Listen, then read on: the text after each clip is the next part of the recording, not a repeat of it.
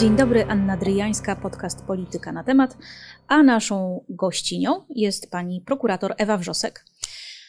Dzień dobry pani, dzień dobry państwu. Członkinią Stowarzyszenia Prokuratorów y, Lex Super Omnia, odczytam dla pewności, że wszystko powiem dobrze, i jedna z trzech znanych ofiar ataku Pegasusem. To jest chyba ta kolejna rzecz, którą trzeba o pani powiedzieć. Na tą drugą e, cechę wyróżniającą mnie e, nie zasłużyłam, nie zapracowałam i, i generalnie o ile członkostwo w Lex Super Omnia jest rzeczą, którą bardzo e, sobie chwalę i chętnie się do tego publicznie przyznaję, to tak druga rzecz nadal dla mnie stanowi zaskoczenie. Miała Pani satysfakcję, że Jarosław Kaczyński wreszcie przyznał, że Pegasus jest w Polsce, był w Polsce używany? Mm, nie wiem, czy określić to mianem satysfakcji, bo jeżeli e, poprzednio e, różnego rodzaju e, służby, politycy wielokrotnie w mediach i, i, i prezentowali taką narrację, że nie ma Pegasusa, Czyli de facto kłamali. Kłamali, próbując wyśmiać, próbując wrzucać e, chociażby w media społecznościowe obrazki konsol do gry, czy, czy pan rzecznik Fogiel, z tego co pamiętam, też w sposób bardzo prześmiewczy wypowiadał się o, o tym e, bardzo groźnym i bardzo poważnym i nielegalnym, dodajmy, oprogramowaniu do inwigilacji. I nagle taka zmiana e, e, retoryki, no owszem, cieszę się, że prawda wyszła na jaw, natomiast przez, proszę mieć na uwadze, że przez ten dotychczasowy czas po prostu władze państwowe, funkcjonariusze publiczni nas okłamywali. No to nie może być żadna satysfakcja z tego tytułu.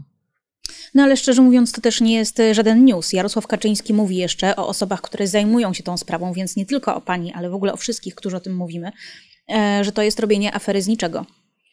Bo przecież służby mogą podsłuchiwać, mogą podglądać, jeżeli mają podejrzenie, że ktoś popełnia przestępstwo.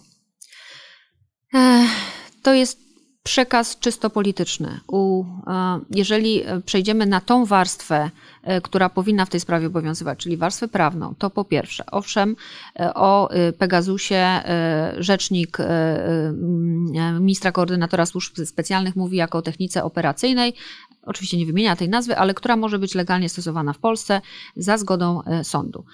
Natomiast mm, Przekłamanie jest tego rodzaju, że o ile kontrola operacyjna jest rzeczywiście dozwolonym środkiem e, do zbierania dowodów, ale po pierwsze, może być ona stosowana w pewnej bardzo wąskiej kategorii spraw. To nie jest tak, że możemy wdrożyć kontrolę operacyjną na przykład w sprawie kradzieży w sklepie, bo mamy takie podejrzenia. Czyli nie strzelamy z armaty do wróbla, tak? To jest pierwsza tego rodzaju, ten pierwszy tego rodzaju aspekt, przy czym e, jest on bardzo ściśle uregulowany w ustawach. Wszystkie służby specjalne mają ustawy, na podstawie których przyznane im są konkretne kompetencje do używania kontroli operacyjnej w odniesieniu do konkretnych kategorii przestępstw.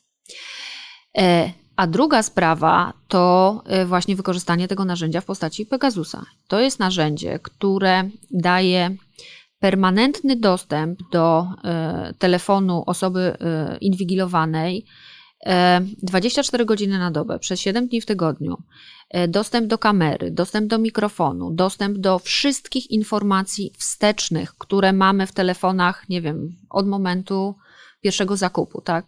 Ci z Państwa, którzy mają iPhony, wiedzą, jak przechodzimy z kolejnego modelu na wyższy model, natomiast wszystkie te dane, które gdzieś tam kiedyś sobie e, zgromadziliśmy, one po prostu przechodzą razem z nami. E, I o ile kontrola operacyjna jest zarządzana na przykład za jakiś czas, tak w przypadku e, czyli zwykła kontrola operacyjna, na przykład właśnie nagrywanie rozmów telefonicznych, czy uzyskiwanie treści SMS-ów, czy korespondencji mailowej, to zgoda sądu na kontrolę operacyjną obejmuje jakiś czas. Nie daje dostępu całkowitego i nieograniczonego do wszystkiego. E, natomiast Pegasus taką możliwość ma z racji swoich możliwości technicznych. Więc z tego chociażby również powodu nie może on być legalnym narzędziem prowadzenia kontroli operacyjnej. Jest narzędziem nielegalnym, jest narzędziem szpiegowskim, jest narzędziem, które Polska nabyła mm, od e, firmy izraelskiej, e, gdzie e, oprogramowanie Pegasus traktuje się jako broń cybernetyczną. Na eksport Pegasusa poza granice Izraela wymagana jest zgoda tamtejszego rządu. Więc mówimy o narzędziu, które może być wykorzystywane do najpoważniejszych przestępstw, do przestępstw e, ponadpaństwowych często, terroryzmu, e, zorganizowanych grup przestępczych, handlu ludźmi. No, ja naprawdę nie wyobrażam Dla sobie. Dla porządku zapytam w tym momencie, nie brała Pani udziału w żadnej z tego typu rzeczy? Terroryzm, handel ludźmi? Hmm.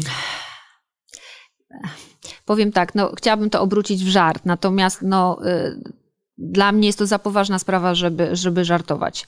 Y, w żadnego, w żadnego rodzaju przestępczości, żadnej nie uczestniczę. Ja proszę zwrócić uwagę na to, jestem cały czas czynnym prokuratorem. Więc jeżeli nawet się, zabawiając się w takiego adwokata diabła przez chwilę, jeżeli wobec mnie wdrożono kontrolę operacyjną, to znaczy, że podejrzewano mnie o jakiegoś rodzaju przestępstwo. Zakładam, że przestępstwo tak zwane katalogowe, czyli najpoważniejszą grupę przestępstw, których e, służby mogą stosować taką e, kontrolę operacyjną.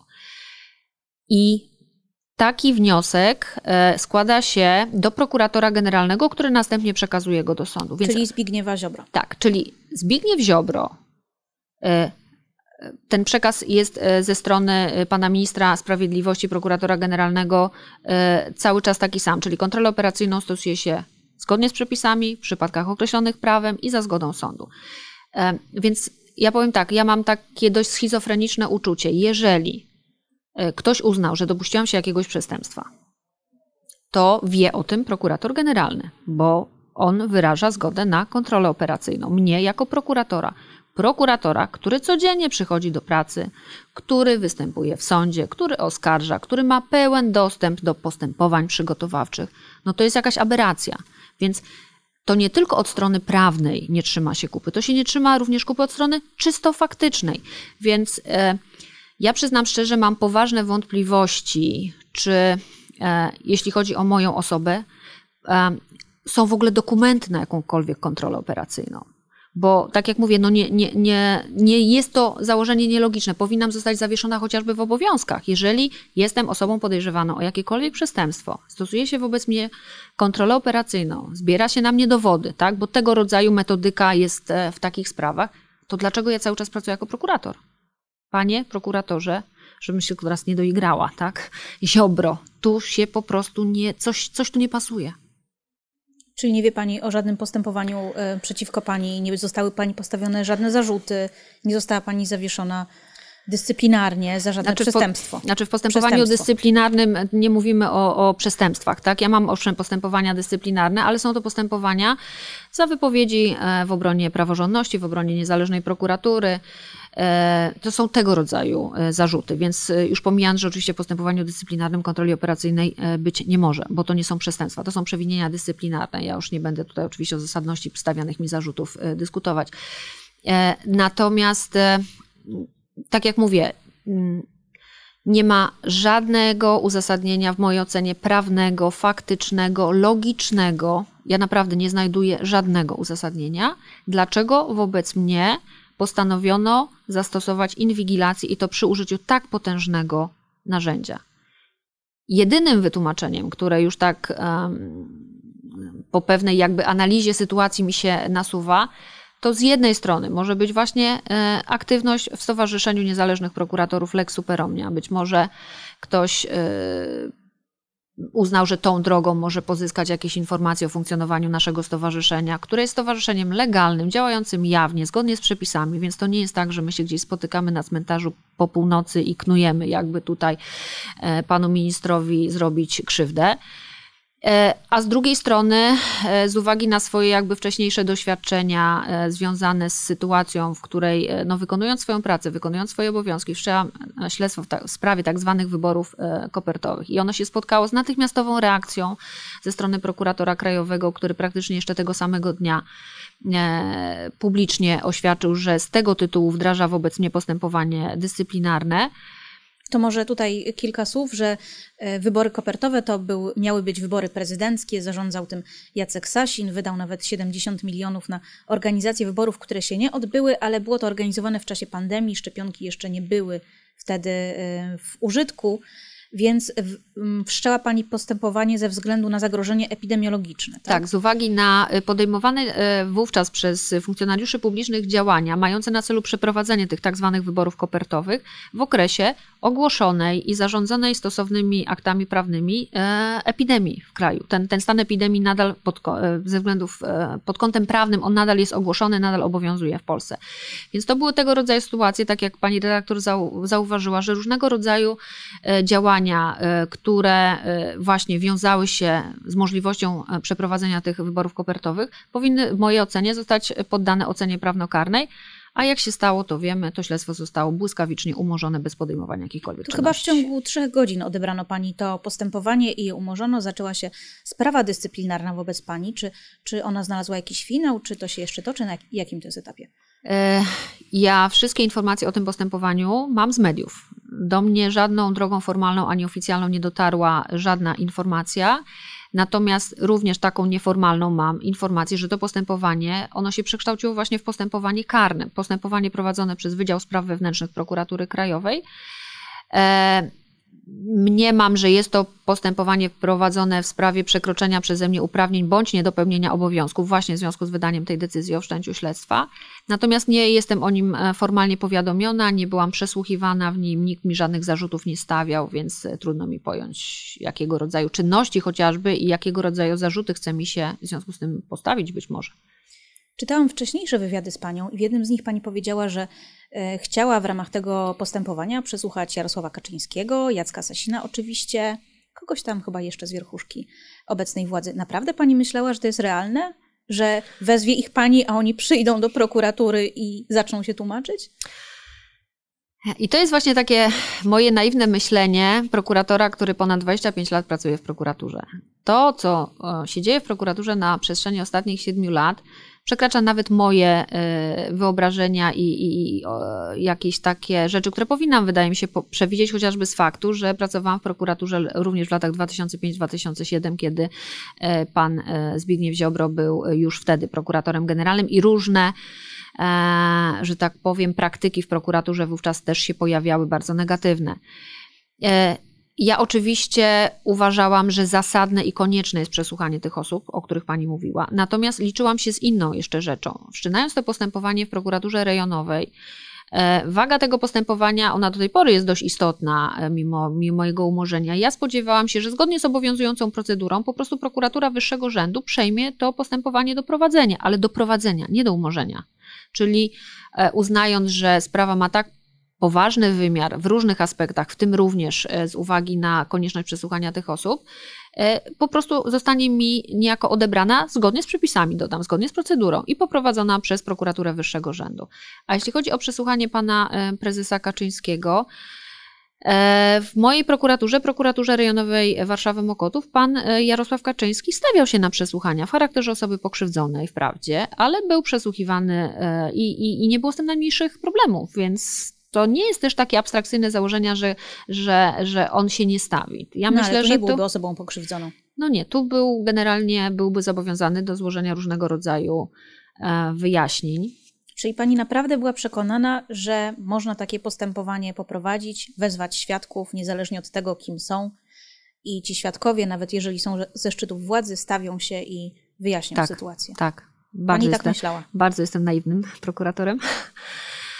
E, znaczy, e, liczyłam na to, że rzeczywiście te czynności zostaną przeprowadzone. E, liczyłam na to, że jakby no ta powiedzmy ten brak pokory, brak taka buta ze strony y, moich przełożonych, no nie będzie sięgała aż, e, aż tak daleko, albo inaczej. Pewne kwestie zostaną załatwione może w bardziej białych rękawiczkach, natomiast tutaj nawet tych białych rękawiczek nikt nie próbował użyć. Tu po prostu to postępowanie zakończono, e, wszczęto wobec niej postępowanie, koniec. Czyli tak dano pani po łapach za to, że pani się tym w ogóle zajęła. Czy pani nie żałuje, że to akurat na, nią, e, na panią padło śledztwo w sprawie afery kopertowej? Czy nie myśli sobie pani, kurczę, mogło paść na kolegę, koleżankę, miałabym dzisiaj spokój. Może nie byłoby tego całego Pegasusa? Hmm. E, myślę, że bardzo to jest takie bardzo złudne myślenie ze skutku o przyczynie, tak? Ja po prostu pewne rzeczy robię, nie wiem, w sposób nawykowy, zgodnie ze swoim doświadczeniem, zgodnie z... Ja wszczynając to postępowanie, naprawdę nie zastanawiałam się, czy i jakie konsekwencje z tego powodu mnie spotkają czy, e, nie wiem, zabierając głos pod Sądem Najwyższym w obronie e, Sądu Najwyższego czy niezależnej prokuratury, też nie wpadło mi do głowy, że ktoś z tego tytułu będzie chciał wyciągnąć wobec mnie konsekwencje. No, są pewne jakieś zasady, którymi w życiu się kierujemy, i, i, może przestrzegając tych zasad, nie zakładamy od razu, że spotkają nas złe konsekwencje za ich e, przestrzeganie, ale no to jakby jest natu, naturalną rzeczą, że jeżeli chcemy postępować dobrze, to po prostu postępujemy dobrze. E, daje to nawet pewien taki komfort psychiczny, tak? Ja właśnie, tak jak pani mówi, czy nie zastanawiała się pani? No nie. Nie zastanawiałam się, bo dla mnie logiczną decyzją było, że złożone zostało zawiadomienie o przestępstwie i wszystko jedno, czy to byłoby zawiadomienie dotyczące konkretnej osoby, czy konkretnej sprawy. Taka jest procedura. Należy wyjaśnić okoliczności sprawy. To, że to postępowanie zostało wszczęte, wcale nie oznaczało, że ktoś zostałby, nie wiem, zamknięty na długie lata w więzieniu. To była bardzo druga droga, żeby pewne kwestie wyjaśnić, ustalić, ocenić, powołać biegłych. Ja nie jestem biegłym. Żaden prokurator nie jest biegłym. To były rzeczy, do których należało po prostu w pewnej procedurze dojść a ktoś, nie wiem, z obawy przed tym, do czego ta procedura może nas doprowadzić, do jakich ustaleń, po prostu urwał, brzydko mówiąc, łeb tej sprawie na samym początku. I teraz tak, to może była rzeczywiście sprawa, w której e, w pierwszej kolejności no, najistotniejsze informacje i osoby, które powinny być tam przesłuchiwane, to byli politycy. Ale tak naprawdę no, prokurator nie może podchodzić w ten sposób do sprawy, że a, no dobrze, a jak przesłucham tego, to jakie konsekwencje mnie spotkają, albo a tego może nie wyjaśniać. No, no nie, no nie po to szliśmy pracować do tej firmy, nie, nie, nie, nie po to e, jakby wykonujemy swoje obowiązki, żeby zastanawiać się, czy i jakie złe konsekwencje nas z tego powodu spotkają. Jest tyle bardzo fajnych, różnych innych zajęć, że jeżeli ktoś ma tego rodzaju dylematy, czy tego rodzaju obawy, i kieruje się, i te obawy są, działają na niego paraliżująco, bo o tym mówimy, tak? Ja nie mówię, że jestem osobą jakąś tak bezrefleksyjnie, e, nie obawiającą się niczego, tak? Natomiast no nie jest to miejsce do pracy dla osób, które kalkulują, czy im się coś opłaca, czy im się nie opłaca, czy awansują, czy nie. Znaczy, tak powinno być, bo teraz sama się łapię na tym, że niestety prokuratura aktualnie stała się takim miejscem, gdzie kalkulacje są są, że tak powiem, na porządku dziennym, niestety. A jakby pani e, oceniła kolegów i koleżanki prokuratorów? Jaki procent z nich po prostu wykonuje swoją pracę, a jaki procent kalkuluje? Da się to ocenić? E, tak, bardzo, du bardzo dużo e, e, osób rzetelnie wykonuje swoje obowiązki, bez względu na to, czy prokuratorem generalnym jest ten polityk, czy inny polityk, czy w ogóle nie polityk, bo mieliśmy przecież taki okres, że prokurator generalny był prokuratorem generalnym, nie był jednocześnie ministrem sprawiedliwości. Więc są to osoby, które rzeczywiście chcą pracować, chcą dobrze wykonywać swoją pracę, oczekują, że y, prokuratura zapewni im jakąś taką sprawność organizacyjną, żeby nie musieli się zastanawiać, czy przychodzić w weekend do pracy, czy nie, czy te akta nosić do domu i tam e, wpisać decyzje merytoryczne, czy nie. E, I to jest znaczna, znaczna rzesza e, tych prokuratorów. Jest niestety mm, pewna grupa prokuratorów, która e, no, postanowiła skorzystać z tej całej sytuacji, która aktualnie, czyli od prawie 7 lat jest w prokuraturze, czyli mm, bez jakichś specjalnych kompetencji merytorycznych, bez doświadczenia zawodowego, e, za to, e, za nagrody, za awanse, za funkcje, po prostu wykonują polecenia przełożonych i to nawet niekoniecznie polecenia wyrażone w sposób taki wyraźny, expressis verbis, to już mogą być tego rodzaju sytuacje, że są prokuratorzy, którzy po prostu wiedzą, czego od nich pokrzy, po, po przełożeni, czy sam nawet pan prokurator krajowy Święczkowski oczekują. I, i to są osoby, które robią bardzo mm, złą e, opinię prokuraturze. E, są to te osoby, e, przez które niestety prokuratura ma właśnie tą opinię narzędzia politycznego do wykonywania i załatwiania różnego rodzaju interesów wszczynają postępowania, kiedy wiedzą, że takie jest oczekiwanie wobec osób niewygodnych dla władzy, czy odwrotnie nie wszczynają, kiedy, kiedy takiego oczekiwania e, nie ma. I tutaj przykładów to, to chyba sama pani redaktor i wszyscy nasi słuchacze mają świadomość, że praktycznie wystarczy otworzyć gazetę codzienną, żeby przeczytać kolejną informację o tym, czego to prokuratura nie zrobiła, albo wręcz przeciwnie, w jakiej sprawie zaangażowała się ponad miarę, na przykład zupełnie w sposób nieuzasadniony. I ilu takich partyjnych y, prokuratorów jest? To jest 10%, 20%, połowa? Pani redaktor, trudno mi to ocenić, że tak powiem, w liczbach czy procentach. bliżej jesteśmy jakichś 10, no na pewno mniej niż 20%. To, to są, to niestety są z reguły osoby funkcyjne, które po prostu kierują prokuraturą, właśnie wydają polecenia, zapewniają to, że ona będzie funkcjonowała tak, jak e, oczekuje pan minister Ziobro. Więc to, to nie jest duży, duży, y, duża liczba prokuratorów. Ale są w strategicznych miejscach. są w strategicznych miejscach, plus niestety właśnie otaczają się prokuratorami, którzy jest cała rzesza, może tak to powiem, jest cała rzesza prokuratorów, którzy po prostu nie znają innej prokuratury niż prokuratura o Zbigniewa Ziobro z tej przestrzeni ostatnich siedmiu lat. A więc cała ich praca zawodowa, cała ich jakby wiedza o tym, jak prokuratura powinna funkcjonować w praktyce, bo przepisy i, że tak powiem, teoria to jest jedno, natomiast no, doświadczenie zawodowe budujemy sobie w pracy. E, I jeżeli e, takie osoby nie mają pozytywnych wzorców, nie mają e, osób, które raz merytorycznie są w stanie ich wspomóc, nauczyć pewnych rzeczy, dwa dostają konkretne polecenie typu odmów, umórz, zakończ to jakoś, nie interesuje mnie jak, no to jest to jest podwójnie złe z dwóch względów. Raz, że właśnie tych kompetencji prokuratorskich nigdy nie nabędą w sposób prawidłowy, E, a dwa, e, niestety mają jakby, mm, wydaje mi się, taki dość e, krótki horyzont znajomości pracy w prokuraturze i wydaje mi się, że ten czas i ten okres nigdy się nie skończy. Że nie zostaną rozliczeni na przykład za decyzje, które podejmowali wbrew oczywistym dowodom, a właśnie z takim pod wpływem nacisków różnego rodzaju E, czy że, nie wiem, funkcje, które teraz objęli, czy tytuły, które otrzymali, to już im zostaną do końca pracy prokuratorskiej. No ja powiem szczerze, że to jest bardzo przykre, jeżeli, jeżeli mamy do czynienia z prokuratorem w wieku, nie wiem, 30 lat, on już jest załóżmy e, na etapie prokuratury regionalnej, bardzo wysoki, wysoki szczebel mm, e, prokuratorski, już wyżej są tylko, jest tylko prokuratura krajowa i, I taki prokurator mówi na przykład to, że, e, że nie po to głosował na PiS, żeby harować w rejonie, gdzie załatwia się 99% spraw, tak? Takie teksty padają na korytarzach? Tak. Po prostu w rozmowach? Tak, tak, to są, to, to są teksty identyfikowalne, nawet osoba, która je wypowiadała, nie, nie kryła się, więc to jest jakby podwójne, jakby naprawdę mnie to bardzo uderza, że ja rozumiem, że gdzieś tam w głębi ktoś może sobie cynicznie snuć jakieś kalkulacje na swoją własną karierę, mniej bądź bardziej, e, że tak powiem, chwalebne motywacje sobie, ale, ale po prostu nawet nie krycie się z takim podejściem, no to dla mnie to już jest dezawuujące całkowicie. Czy śledztwo w sprawie wyborów kopertowych w praworządnej Polsce może zostać wznowione, czy ta głowa została oderwana, jak pani to określiła, na amen? E, każde śledztwo, które aktualnie zostało e, umorzone, e, a w ocenie, że tak powiem, ogólnej bezpodstawnie, czy odmówiono wszczęcia w, jakiego, w jakimś postępowaniu, przepisy dają nam e, możliwość podjęcia takiego postępowania na nowo. W przypadku ustalenia nowych istotnych okoliczności, w przypadku odmiennej oceny pewnych okoliczności, więc takie procedury są. E, nasze stowarzyszenie Lex Super Omnia prowadzi audyt różnego rodzaju spraw, takich, które w naszej ocenie zostały niewłaściwie poprowadzone, niewłaściwie zakończone.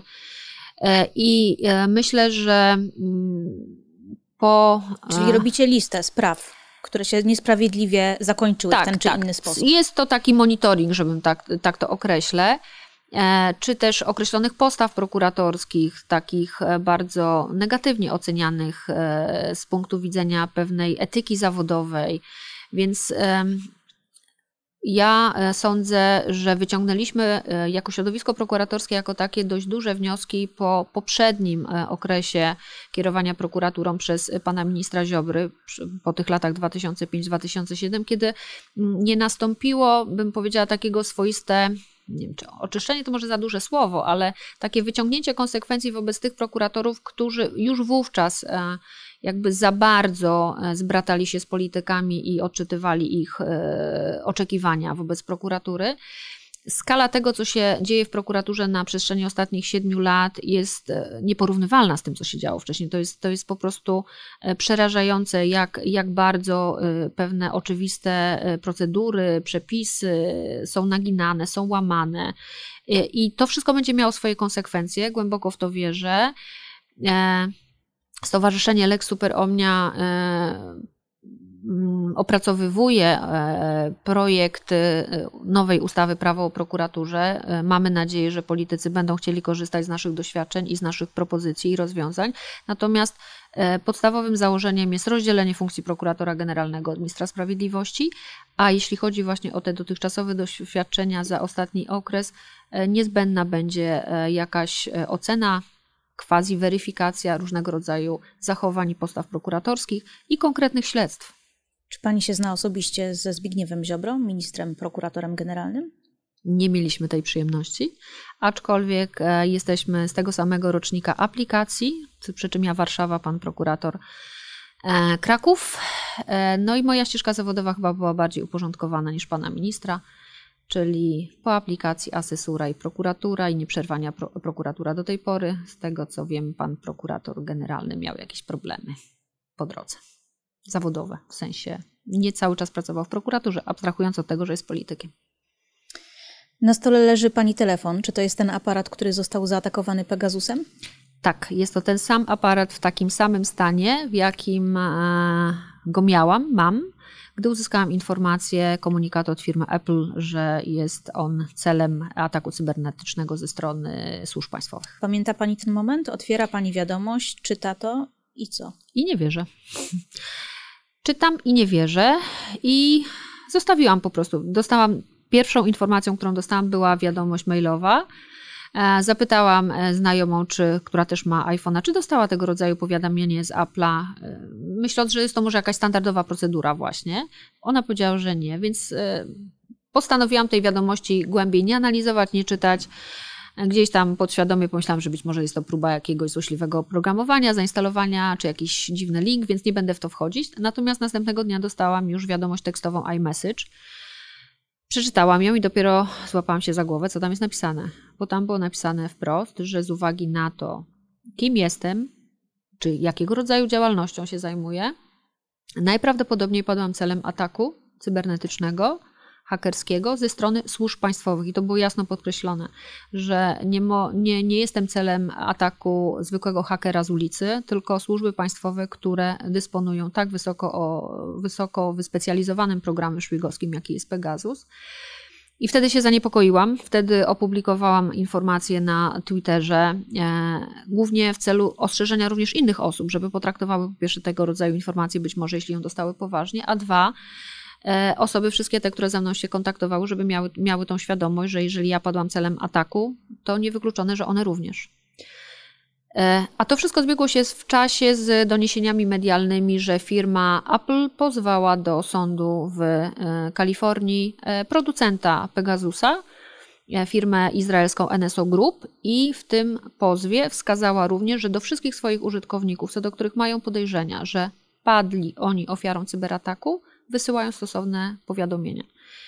To był 24-25 listopada i z tego co wiem, wówczas e, około 17 chyba osób z całego kraju w tym dniu otrzymało, więc to nie są jakieś tysiące, tak? To, jest, to było chyba około 17 osób, które otrzymały tego rodzaju powiadomienia. I były to osoby naprawdę w różnych regionach świata. To była e, Afryka, to był e, bodajże Azja, no było to tak Chyba rozrzucone. Węgry, tak, z krajów, które są bliżej. Tak, tak, tak. To zresztą na Węgrzech swojego czasu była też bardzo potężna ofera z udziałem Pegasusa i podsłuchiwanych przy użyciu tego narzędzia dziennikarzy. E, no i wtedy to po prostu zaczęło wyglądać bardzo, bardzo poważnie, więc następnego dnia, jako że jestem prokuratorem, pobiegłam po prostu do prokuratury złożyć stosowne zawiadomienie o popełnieniu przestępstwa. I tu jest moje pytanie, po co? Jeżeli podsłuchiwały panią służby, dostała tak, pani taką informację w komunikacie, to trochę pani każe zbadać um, aferę, sprawę, przestępstwo tym, którzy się tego dopuścili. No, na co pani liczy? Liczę na e, kontrolowane przestrzeganie procedur. A procedury są tego rodzaju, że e, tylko prokuratura, jako organ zajmujący się ściganiem przestępstw, jest w stanie zabezpieczyć dowody tego włamania. Ja oczywiście jako osoba prywatna dysponuję e, no już tymi alertami od firmy Apple, o których mówiłam i również informacją od Citizen Lab, że mój telefon był przedmiotem ataku hakerskiego ze strony przy użyciu Pegasusa. Natomiast to są dokumenty, że tak powiem, tak zwane prywatne. To są dokumenty, które zresztą to się dzieje cały czas, są dezawuowane w przestrzeni publicznej. Co to jest Citizen Lab, alert y, od Apple'a w odmowie wszczęcia przez prokuraturę okręgową w ogóle został zdezawuowany, że y, jest mało wiarygodny. Natomiast prokuratura, jako organ zajmujący się ustaleniem, czy miało miejsce przestępstwo i zabezpieczaniem dowodów, do tego jest zobowiązana zgodnie przepisami obowiązującymi w Polsce.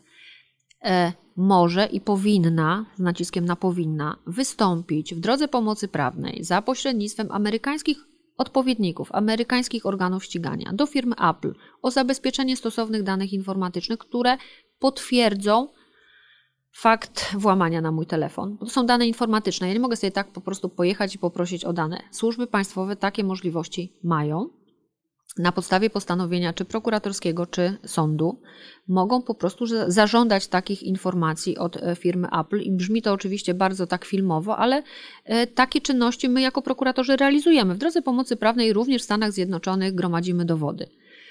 I to jest jedna sytuacja. A druga e, to właśnie zwrócenie się do firmy Citizen Lab, która jest firmą od kilkudziesięciu lat, bodajże 20, zajmującą się właśnie śledzeniem e, śladów używania Pegasusa na całym świecie, ale nie wobec przestępców tylko właśnie wobec dziennikarzy, wobec aktywistów, wobec polityków, wobec prawników. I ta firma po pierwsze ma stosowne narzędzia diagnostyczne, ma ekspertów wysoce wyspecjalizowanych i prokuratura może nawet firmę Citizen Lab powołać w charakterze biegłego. Z tego, co się orientuje, eksperci tej firmy występują w charakterze e, świadków czy specjalistów w postępowaniach sądowych na całym świecie, więc tutaj nie ma najmniejszych przeszkód, aby skorzystać z tych możliwości dowodowych, które są, żeby te dane zabezpieczyć. Tylko pod koniec roku prokuratura sprawę umorzyła, motywując to między innymi tym, że odmówiła pani przekazania tego oto aparatu na potrzeby badań. Dlaczego pani tego aparatu nie przekazała? No skoro się powiedziało A, to trzeba powiedzieć B. Bo takie są procedury. E, aby powołać biegłego, postępowanie musi być wszczęte. Nie ma innej możliwości prawnej.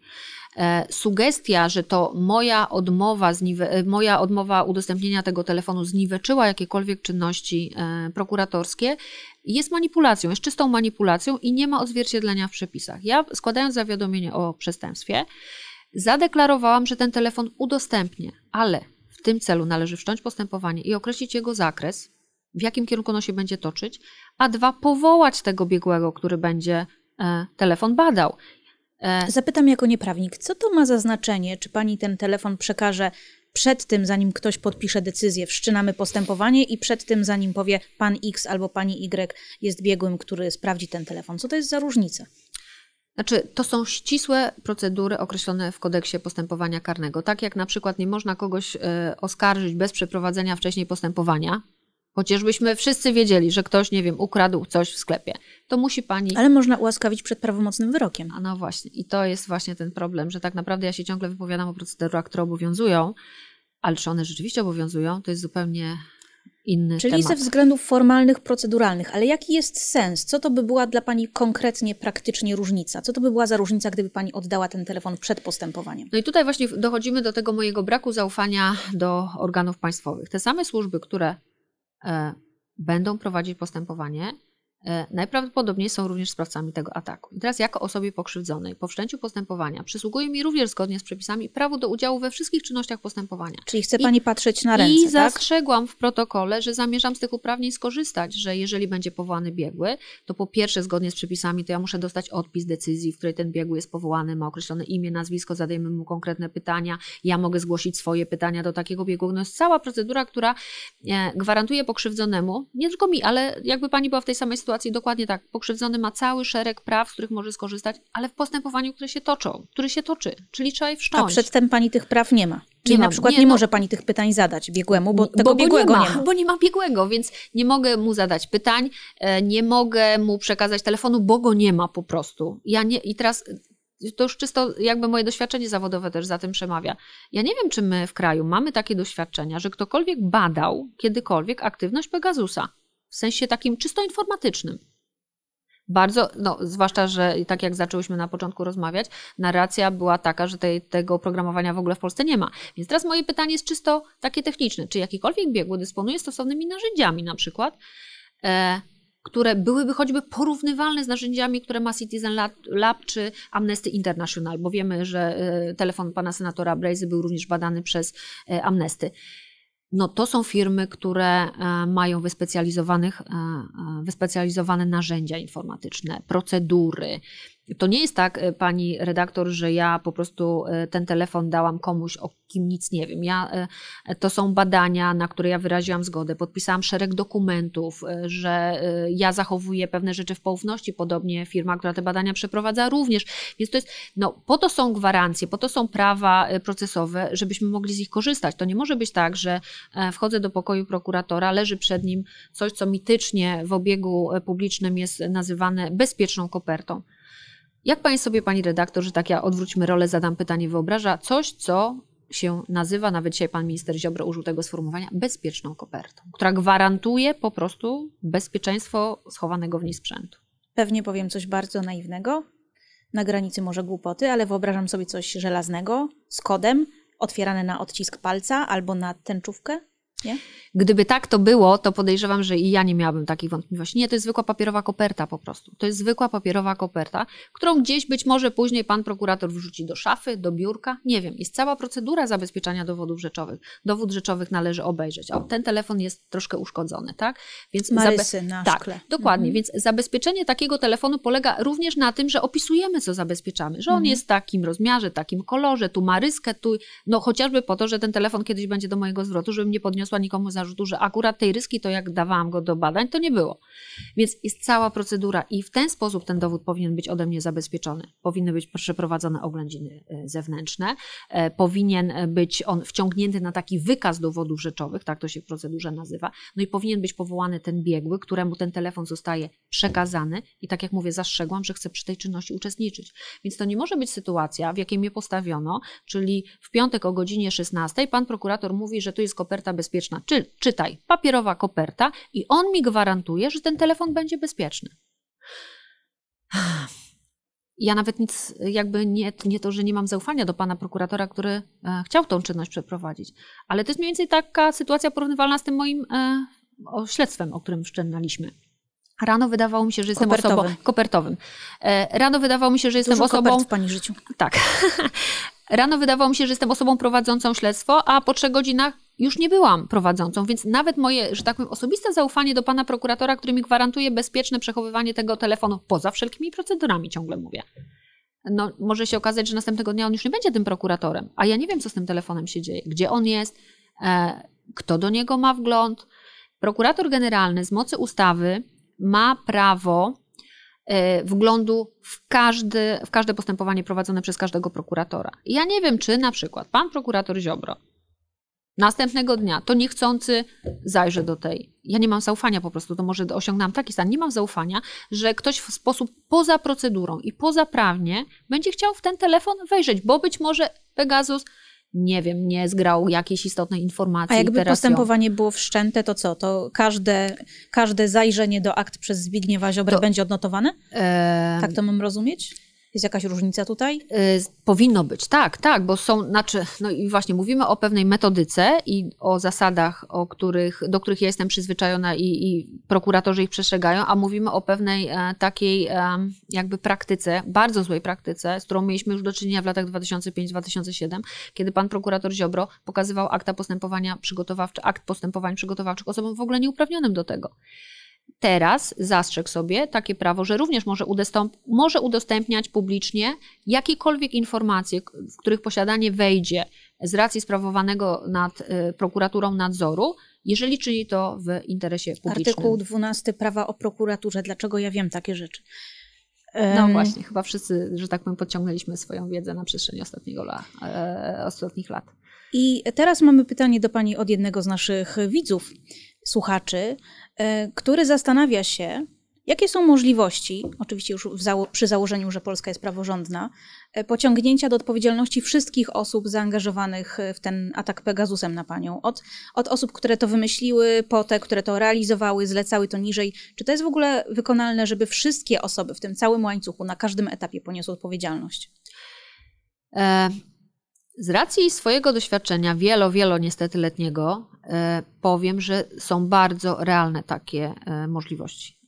ale konieczna jest oczywiście wola i jakby mm, chęć rzetelnego wyjaśnienia tej sprawy. Bo tak jak próbowała mnie pani tutaj punktować, że po co, po co to się zgłasza, jak i tak wiadomo, że nic prokuratura nie wyjaśni. Owszem, ale zabezpieczy dowody. Te dowody w każdym momencie można będzie przeprowadzić jakby, e, sprawy będzie można podjąć, można będzie ją kontynuować, e, a pewne rzeczy no, umykają, czy z czasem, czy, czy właśnie dane informatyczne na przykład zgodnie z polskim prawem przechowywane są tylko jeden rok, więc ja nie wiem, kiedy e, będzie taka możliwość, że e, w prokuraturze, żeby to śledztwo rzetelnie poprowadzić. Natomiast dowody będą.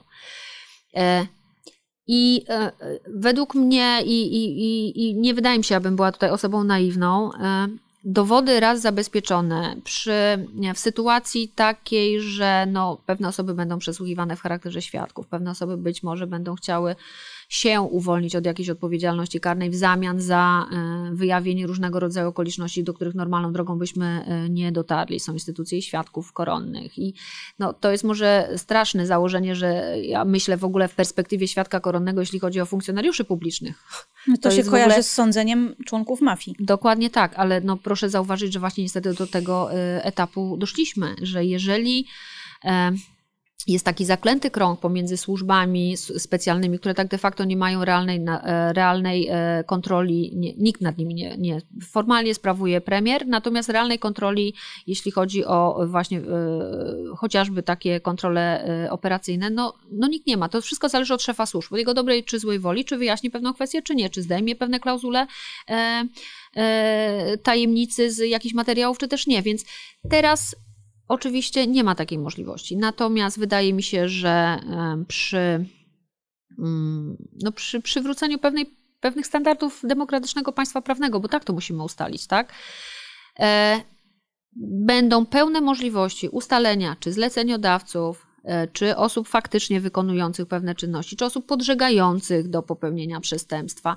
Tu jest cały zakres e, czynów, które mogą podlegać ocenie prawnokarnej i wydaje mi się, że tylko od naszej determinacji prokuratorskiej, od woli politycznej wyjaśnienia tej sprawy, no bo to też jest dość istotne, będzie zależało, czy ta sprawa zostanie wyjaśniona. Ta, pana Giertycha, pana Brejzy, czy ktokolwiek inny się w przestrzeni publicznej pojawi, bo ja nie wierzę, żeby tylko te trzy przypadki e, były. E, na tych trzech przypadkach sprawa się skończyła, może tak to określę. Wydaje mi się, że będą się pojawiały kolejne sytuacje, w których ta nielegalna inwigilacja określonych osób była prowadzona.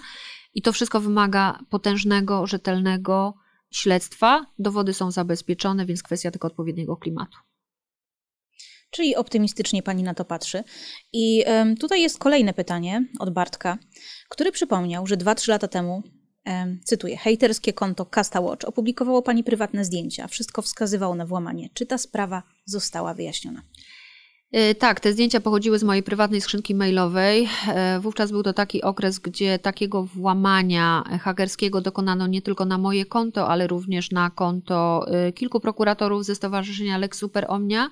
E, materiały, które w ten sposób wyciekły, były później właśnie w sposób taki zupełnie nieuprawniony publikowane w różnego rodzaju e, miejscach, w tym niestety na tym hejterskim profilu Casta Watch.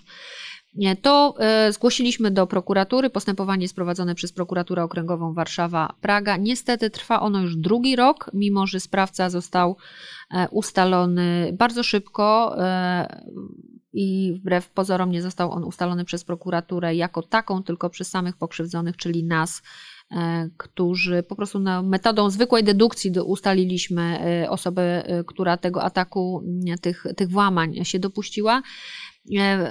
W mojej ocenie to śledztwo jest prowadzone przewlekle, bez jakiejś takiej zbytniej koncentracji materiału dowodowego, gdyż ponad drugi rok. E, Monitorujecie, tak, dopominacie się co, tak, co ja, z tym tak, ja, się dzieje? Tak, dokładnie tak. Ja ostatnio zapoznawałam się z aktami tej sprawy. Jest kolejny referent, który no, starał się mnie przeprosić i, i, tłumaczyć te przewlekłości różnego rodzaju okolicznościami, no, które ja rozumiem, ale no, nie, nie, nie uprawniają one tak długiego e, okresu prowadzenia tego śledztwa. Zwłaszcza, że mówię osoba, ma e, postawione zarzuty już dwa lata, a aktu oskarżenia na horyzoncie nie widać. No i na koniec zapytam Panią o e, sprawę sądową.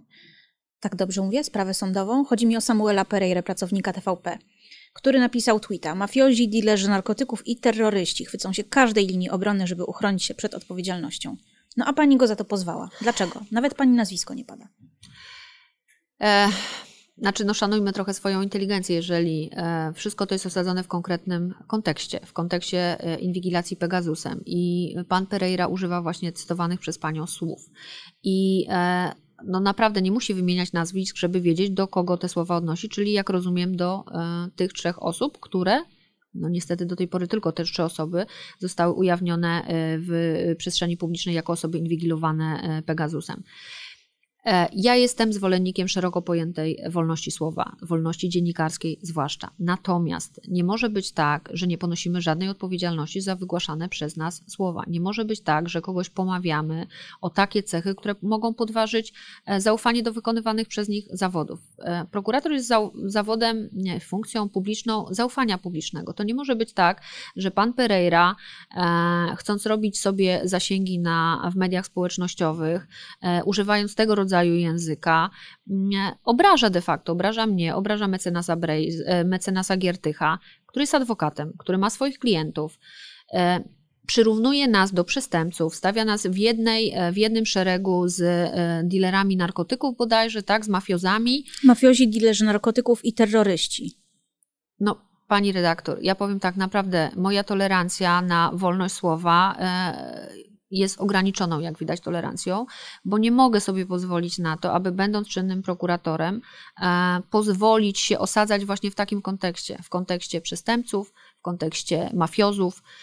E, I e, dlatego skierowałam prywatny akt oskarżenia wobec pana Pereiry. Został doręczony bez problemów? To tym zajmuje się sąd. I my złożyliśmy z moim pełnomocnikiem, panem mecenasem Wawrykiewiczem, złożyliśmy e, ten akt oskarżenia do sądu. Tu cała dalsza procedura już jest w gestii sądu. E, jeżeli pan Pereira uważa, że e, nie miał mnie na myśli, no to powiem tak, no musi to jakoś wykazać. Natomiast no, pewne zasady logicznego rozumowania E, są jednoznaczne. No nie można mówić o tym, że przestępcy chwycą się każdej metody i jest to osadzone, mówię, w konkretnym kontekście. Zresztą niestety ja zapoznałam się zarówno z tym tweetem, jak i z komentarzami pod tym tweetem, więc e, czytający nie mieli wątpliwości, kogo pan Pereira ma na myśli, więc no trudno tutaj bronić się i zasłaniać się tym, że akurat nie do mnie te słowa kierował, jeżeli tak to zostało odebrane publicznie, że właśnie również mnie przyrównał do przestępcy. Nie ma pani ochoty tego wszystkiego rzucić, wyjechać w Bieszczady, zająć się czymkolwiek innym, mieć spokój i niepodsłuchiwany telefon? Czasami mam takie myśli, e, e, ale powiedzmy tak, tego rodzaju przeciwności działają na mnie mobilizująco. E, natomiast oczywiście często czuję się gdzieś tam zdołowana często czuję się taką, tą swoją bezsilnością, tą, tym okresem e, no, 7 lat walki o niezależną prokuraturę i brzydko powiem jak krew w piach, wręcz przeciwnie. Natomiast być może dlatego, że już tyle lat pracuję w prokuraturze i tyle już takich różnych górek i dołków ja i moi koledzy ze stowarzyszenia przeszliśmy, że wiemy, że ten czas się kiedyś skończy. E, wiemy, że trzeba to wszystko, co na przestrzeni ostatnich lat w prokuraturze tak bardzo złe się zadziało, trzeba to, może obrazowo powiem, ale naprawdę trzeba to wypalić żelazem, aby nikomu nigdy na przyszłość nie przyszło do głowy, że można uczynić z prokuratury takie narzędzie, takie polityczne narzędzie, że można załatwiać własne interesy przy y, użyciu prokuratury, e, bo każdy z nas przychodził do pracy z takim założeniem, że no, taką składamy przysięgę, że będziemy stać na straży praworządności. Tutaj jest czarne i białe, tutaj nie ma niuansów, więc nie może być tak, że, że nagle przychodzi polityk i który y, po prostu traktuje y, prokuraturę jako swoje prywatne jakieś narzędzie. No niestety, również on powinien być za swoją działalność na przestrzeni ostatnich sześciu lat, siedmiu lat w prokuraturze oceniony. Dziękuję. To była prokurator Ewa Wrzosek z Lex Superomnia, Stowarzyszenia Prokuratorów. Bardzo, Bardzo Pani dziękuję. dziękuję. I następnym razem widzimy się za tydzień. Żegna się z Państwem Anna Dryjańska, podcast Polityka na temat.